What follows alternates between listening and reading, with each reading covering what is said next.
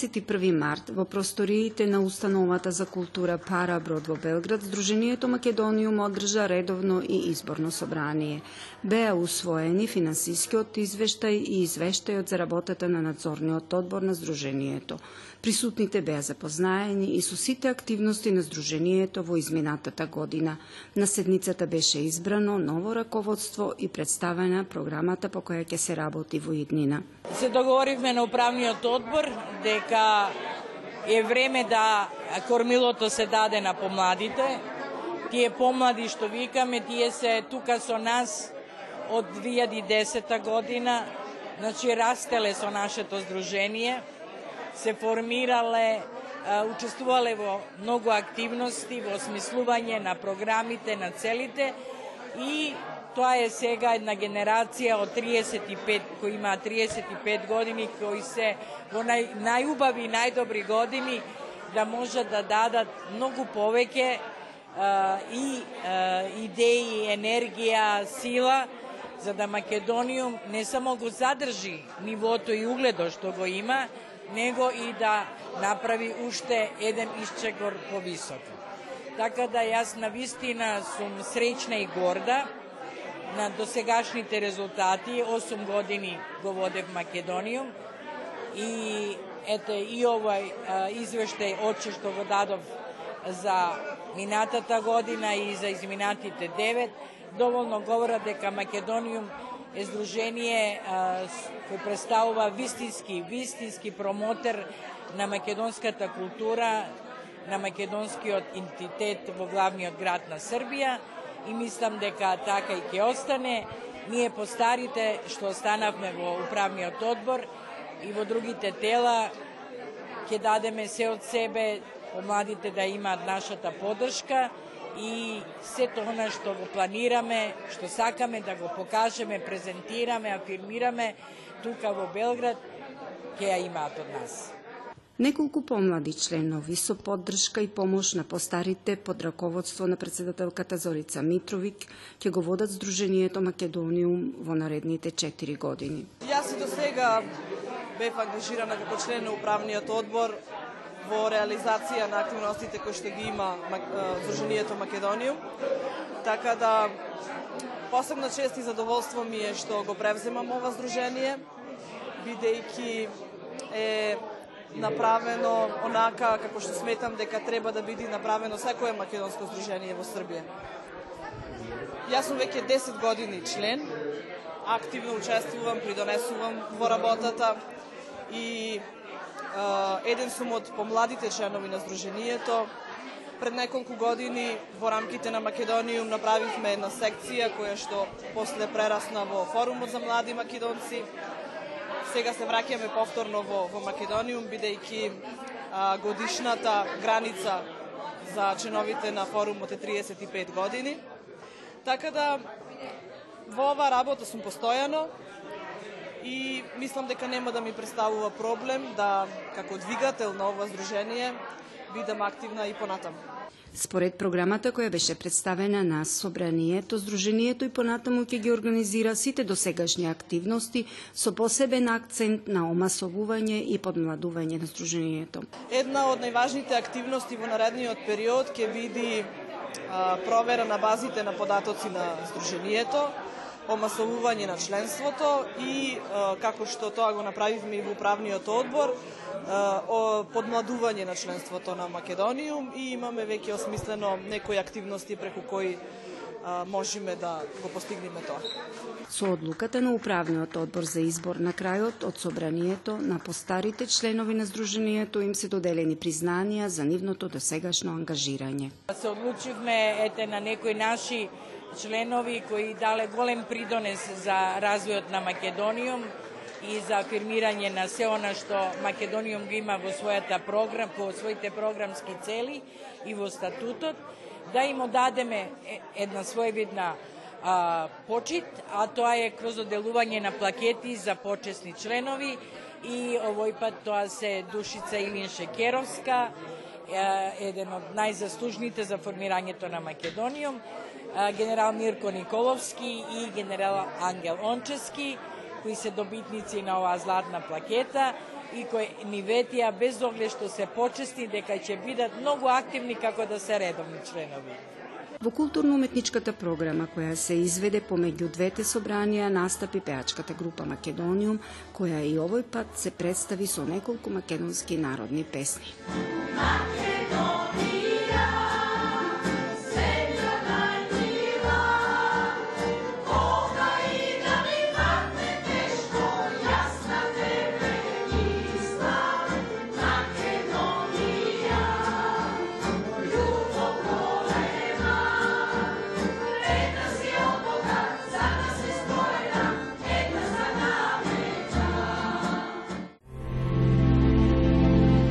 Gledate paletu.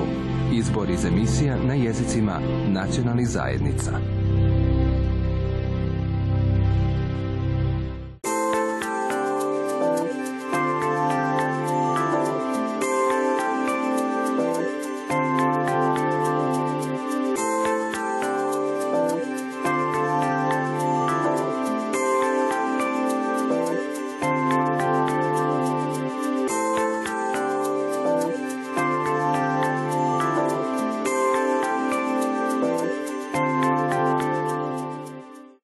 Шановески е познат македонски скулптор, чии дела красат многу отворени и затворени простори во светот. Школувањето го започнал во македонски брод, а го завршил во Скопје, каде дипломирал во класата на професор Васил Василев. Кога завршувате факултет, веќе почнувате да работите некој собствен стил или пробувате да најдете некој собствен стил на скулптура, Јас почнав да работам пак некои некои а, скулптури, се сеќавам за дипломската случајно дојде идејата кога работев македонски фолклор и од отпадоците на дрвото и од металот направив некои геометриски или абстрактни форми со кои дипломирав. Подоцна малку го напушив абстракцијата и продолжив да работам скуптури во дрво, во камен, во полимермер, меѓутоа со инспирација пак од мојот крај. Магистратурата ми беше многу интересна тема, а, направив интересен, интересна изложба во Пештера, тоа е Пештерата Печно Македонски брод, каде што спремав а, големи објекти од пластични шишиња и отпадоци, како концептуална уметност и со тоа и магистрирам. Иако млад, за себе има голем број на дела кои настанале во периодот од неговото школување па се до денеска, кога со голема љубов твори во своето ателје во Белград. Доаѓам секојдневно во ателјето, имам работен дел, имам галериски дел, така да а, со секој успешна а, позади секој успешен уметник стои добра, добра значи работа, континуирана работа, меѓутоа и она добра дистилација помеѓу рационалното и инстинктивното кога некојаш и случајно доаѓаат идеите сами сами по себе. Секоја скулптура почнува со идејата, која е идеја најтешкиот дел, значи да дојдете до идеја што би работеле, па почува тоа преку цртеж, па цртежот се пренесува во скица во глина, па скицата во глина се моделира во величината, па после се лие во гипс, па после за гипсот се одлучувам дали тоа ќе биде бронза, мербел, некој поевтин материјал, меѓутоа секогаш се трудам да биде некој траен материјал. Инспирација за своите дела наоѓа од родното место, непосредната околина и најблиските. Преселувањето во Белград за него значи нов и значаен период во кој настанале голем број на скулптури. Белград беше нов почеток за мене и инспириран од бракот со мојата супруга, бидејќи јас сум близнак, имам сестри близначки, почнав да работам еден циклус на парови, скулптури, значи машко и женско или две машки а, фигури, кога секоја фигура имаше своја символика. Така да и мојата прва самостојна изложба во во Белград тука беше во Гуернериус, баш со таа тематика парови. После тоа продолжив да работам а, а, сурреализам или митолошки некои сцени, каде што почнав да правам некои приказки, комбинации на, на некои а, замислени митолошки существа и човечката фигура. Се до ден денес, а, мојот опус е разнолик, значи работам фигурација, абстракција, меѓутоа последната фаза пак сум инспириран од моето, моето детство, од мојот роден крај, а, работам некои фигури а, како сестрите на крали Марко, некои алегориски символички сцени, како на пример реката Треска. Доста важен мотив во, во скулптурата ми е и фамилијата, така да работам сега како, како фамилија на парови, меѓутоа пак тоа абстрахирано и стилизирано на еден поинаков, поинаков начин. твори со љубов и голема желба. За себе има голем број на скулптури кои преку формата ја пренесуваат пораката до наблюдувачите. Имам доста портрети на Љубиша, Георгиевски амбасадорот, бивши во, во Белград. Исто така работев портрет на Иван Бекаре, познатиот глумец потекло Македонија, неколку бисти на Бранислав Нушич, така да доста портрети на историски личности македонски, така да портретите се дел од мојот ликовен и скулптурски опус. Имав неколку неколку скулптури како што се Македонија и Србија која беше исто предлог за споменик тука во Белград. Многу важен проект за мене е скулптурата Мајка Македонија која требаше биде поставена по повод 70 години од преселбата на македонците во Војводина Значи, тој проект уште, уште трае, се барат финансиси, финансиски средства да може да се заврши таа, таа скулптура. Целта ми е најмногу пред се да направам некој спој помеѓу српската и македонската, македонската култура, култура и уметност, пак на некој символичен и алегоричен начин. Исто така Белград ми е многу инспиративен, имам некои скулптури како што е скулптурата Кошава по ветрот Кошава, Белград, Дунав и Сава, а, така да а, некогаш инспирацијата е пронајдзе местото каде, каде што живеам. Овој уметник најмногу сака да работи скулптури од кои се одземаат материјали, но поради условите кои ги има, тоа не може да го прави. Самиот материјал е многу важен за скулптурата, на пример металот и бронзата како појава е многу ладна, меѓутоа јас се трудам во секоја скулптура да вметнам одредена боја или патина која ќе дава некоја топлина или некоја добра, добра блага порака или експресивна. Исто така, а, дрвото, дрвото е, многу интересен материјал, исто како и каменот и, и ониксот, така да јас се трудам формат, мојата форма да биде чиста, гладка, меѓутоа во некои случаи сакам да биде и експресивна, па зависно со тоа и го одбирам и материјалот за работа. Има два принципа генерално на, на, на моделирање на скулптурата со одземање и додавање. Додавање значи со глина, со гипс, а одземање преку дрво и преку камен мен индивидуално како темперамент повеќе ми одговара кога одземам во материјалот, меѓутоа тука во Белград немам такви услови затоа што треба посебни услови за мермер, за камен, за дрво. Меѓутоа кога ќе дојдам до гипсот бакш го третирам како камен и дрво и на тој начин го, го обликувам.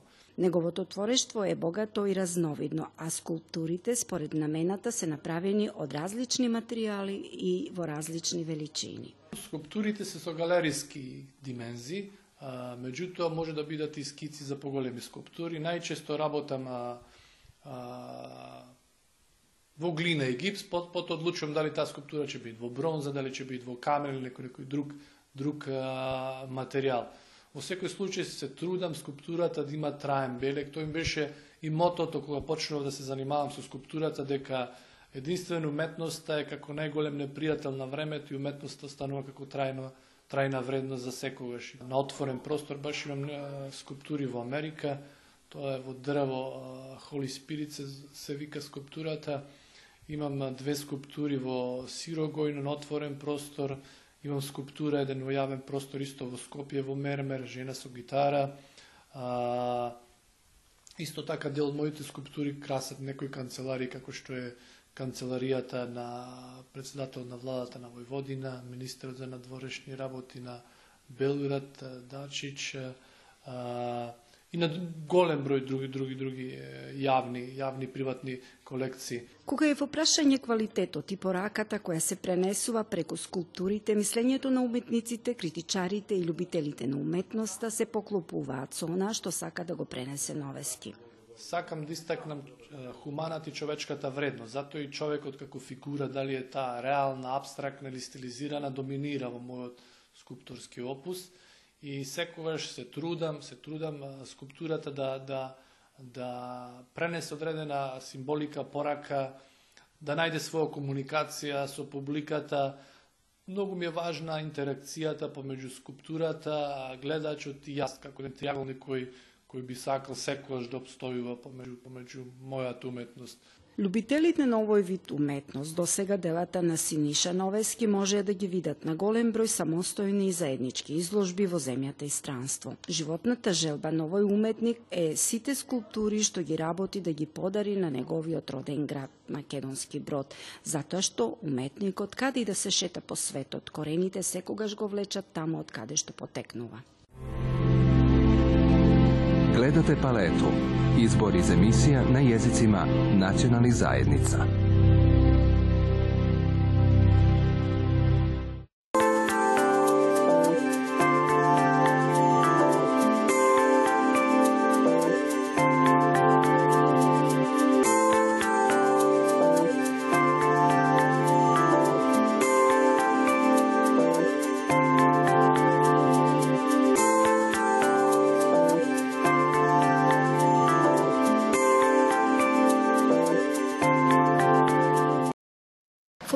Фолклорната група на Сдруженијето Копачка од село Драмче Делчевско е вистински чувар на македонската традиција и култура. Таа на своите многобројни настапи во земјата и странство го представува големото нематеријално богатство на својот крај. Секако дека без орото Копачка ниедно представување не поминува. Машко соборско оро и запоја или копачката женско соборско оро, маршкото се игра на тапани, женското се игра на тамбура.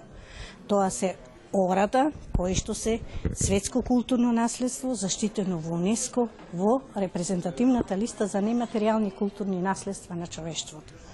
Тоа се случи 2014 година и од тогаш до денес го презентираме и го носиме орото а, како во земјата, многу повеќе и надвор од нашите граници. Копачката е специфично оро кое ни сите елементи кои ја сочинуваат играта го представува животот на македонскиот народ. За копачката е карактеристично тоа што обстојувала низ годините најизворно, најавтентично не само поради носијата, но и поради самите луѓе кои што го негувале на лице место изведувањето на орото копачката А, поточно најдобриот ороводец Димитар Становски Дедомитко од село Драмче, Белчанско Мало, е долго, долги години ороводец на Копачката, кој што целиот свој живот некако си го, си го послал, си го дал срцето за Копачката. И ние кога велиме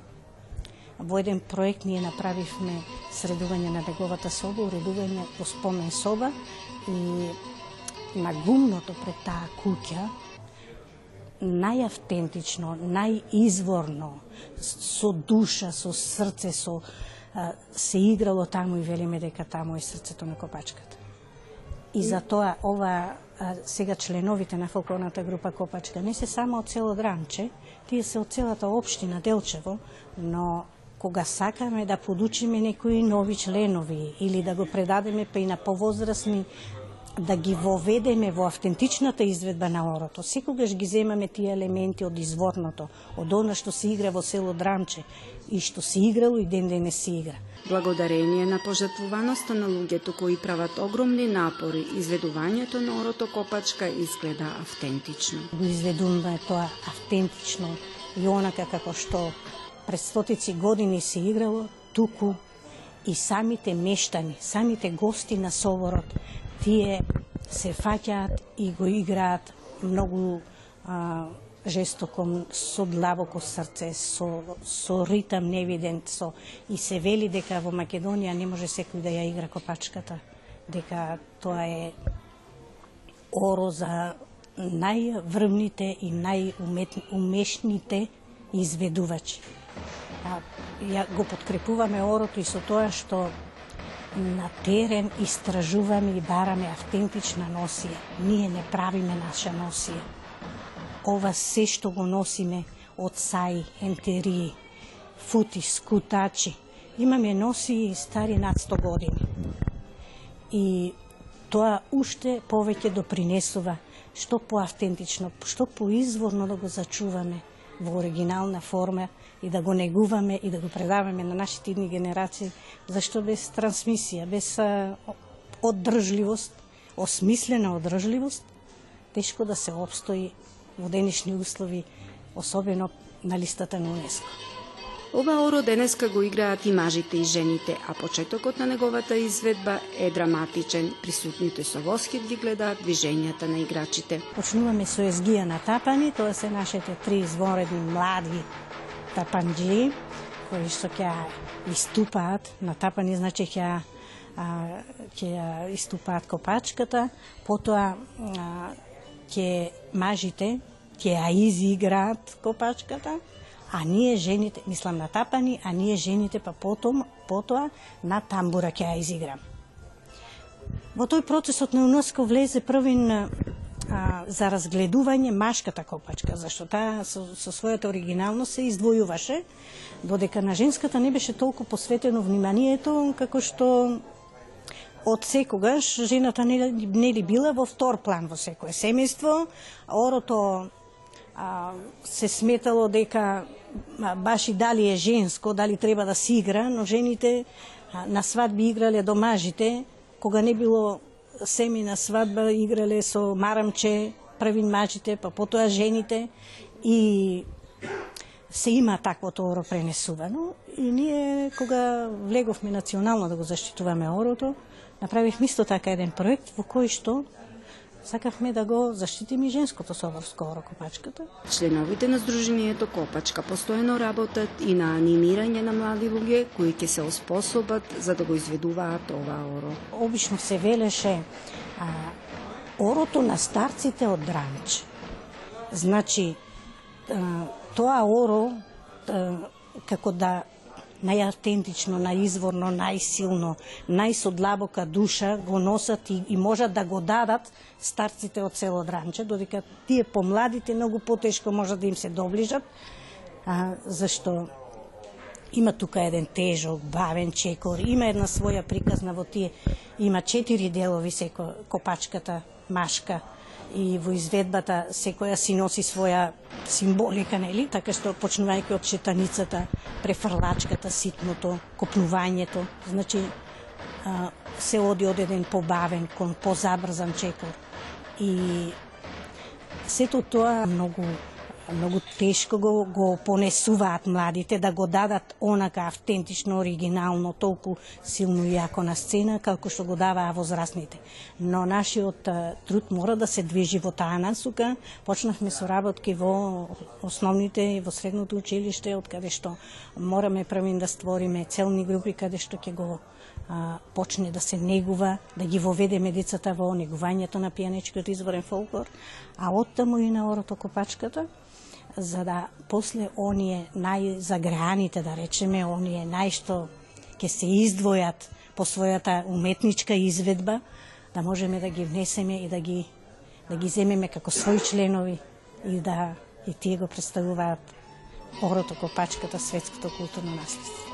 Освен анимирање на младите, се прават напори низ истражувања и набавување на автентични носи орото да се врати меѓу народот. Нашиот народен уметник, а, господинот Димитар Узунски, кој е председател на нашето на нашата фолклорна група и долги години го собирал и го негувал пијанечкиот изворен фолклор од теренот од соборите, од свадбите, од сите веселби што се обавувале на теренот на пијанец, па и по самите домови, посетувајќи ги домакинствата и а, правејќи истражувања за негувањето на пијанечкиот фолклор, така што во тој собран материјал а, ги одбираме ние најубавите случувања на на фолклорот во пијанеци ги ставаме на сцена. Тој процес за да се стави на сцена сега го враќаме малку наназад, па сакаме да го вратиме што повеќе меѓу народот, за да тоа биде живо фолклорно добро и да обстои во одржливоста на орото копачката во УНЕСКО, зашто најповеќе поради тоа се и впиша во УНЕСКО дека е, е живо фолклорно добро, дека живее во народот, дека се негува и дека обстојува самостојно. Членовите на фолклорната група на Сдруженијето Копачка од село Драмче Делчевско се трудат правилно да им го пренесат на помладите ова фолклорно нематеријално богатство и се надеваат дека тие ќе знаат во иднина да го чуваат и изведуваат, но и дека постојано ќе им го пренесуваат на следните генерации.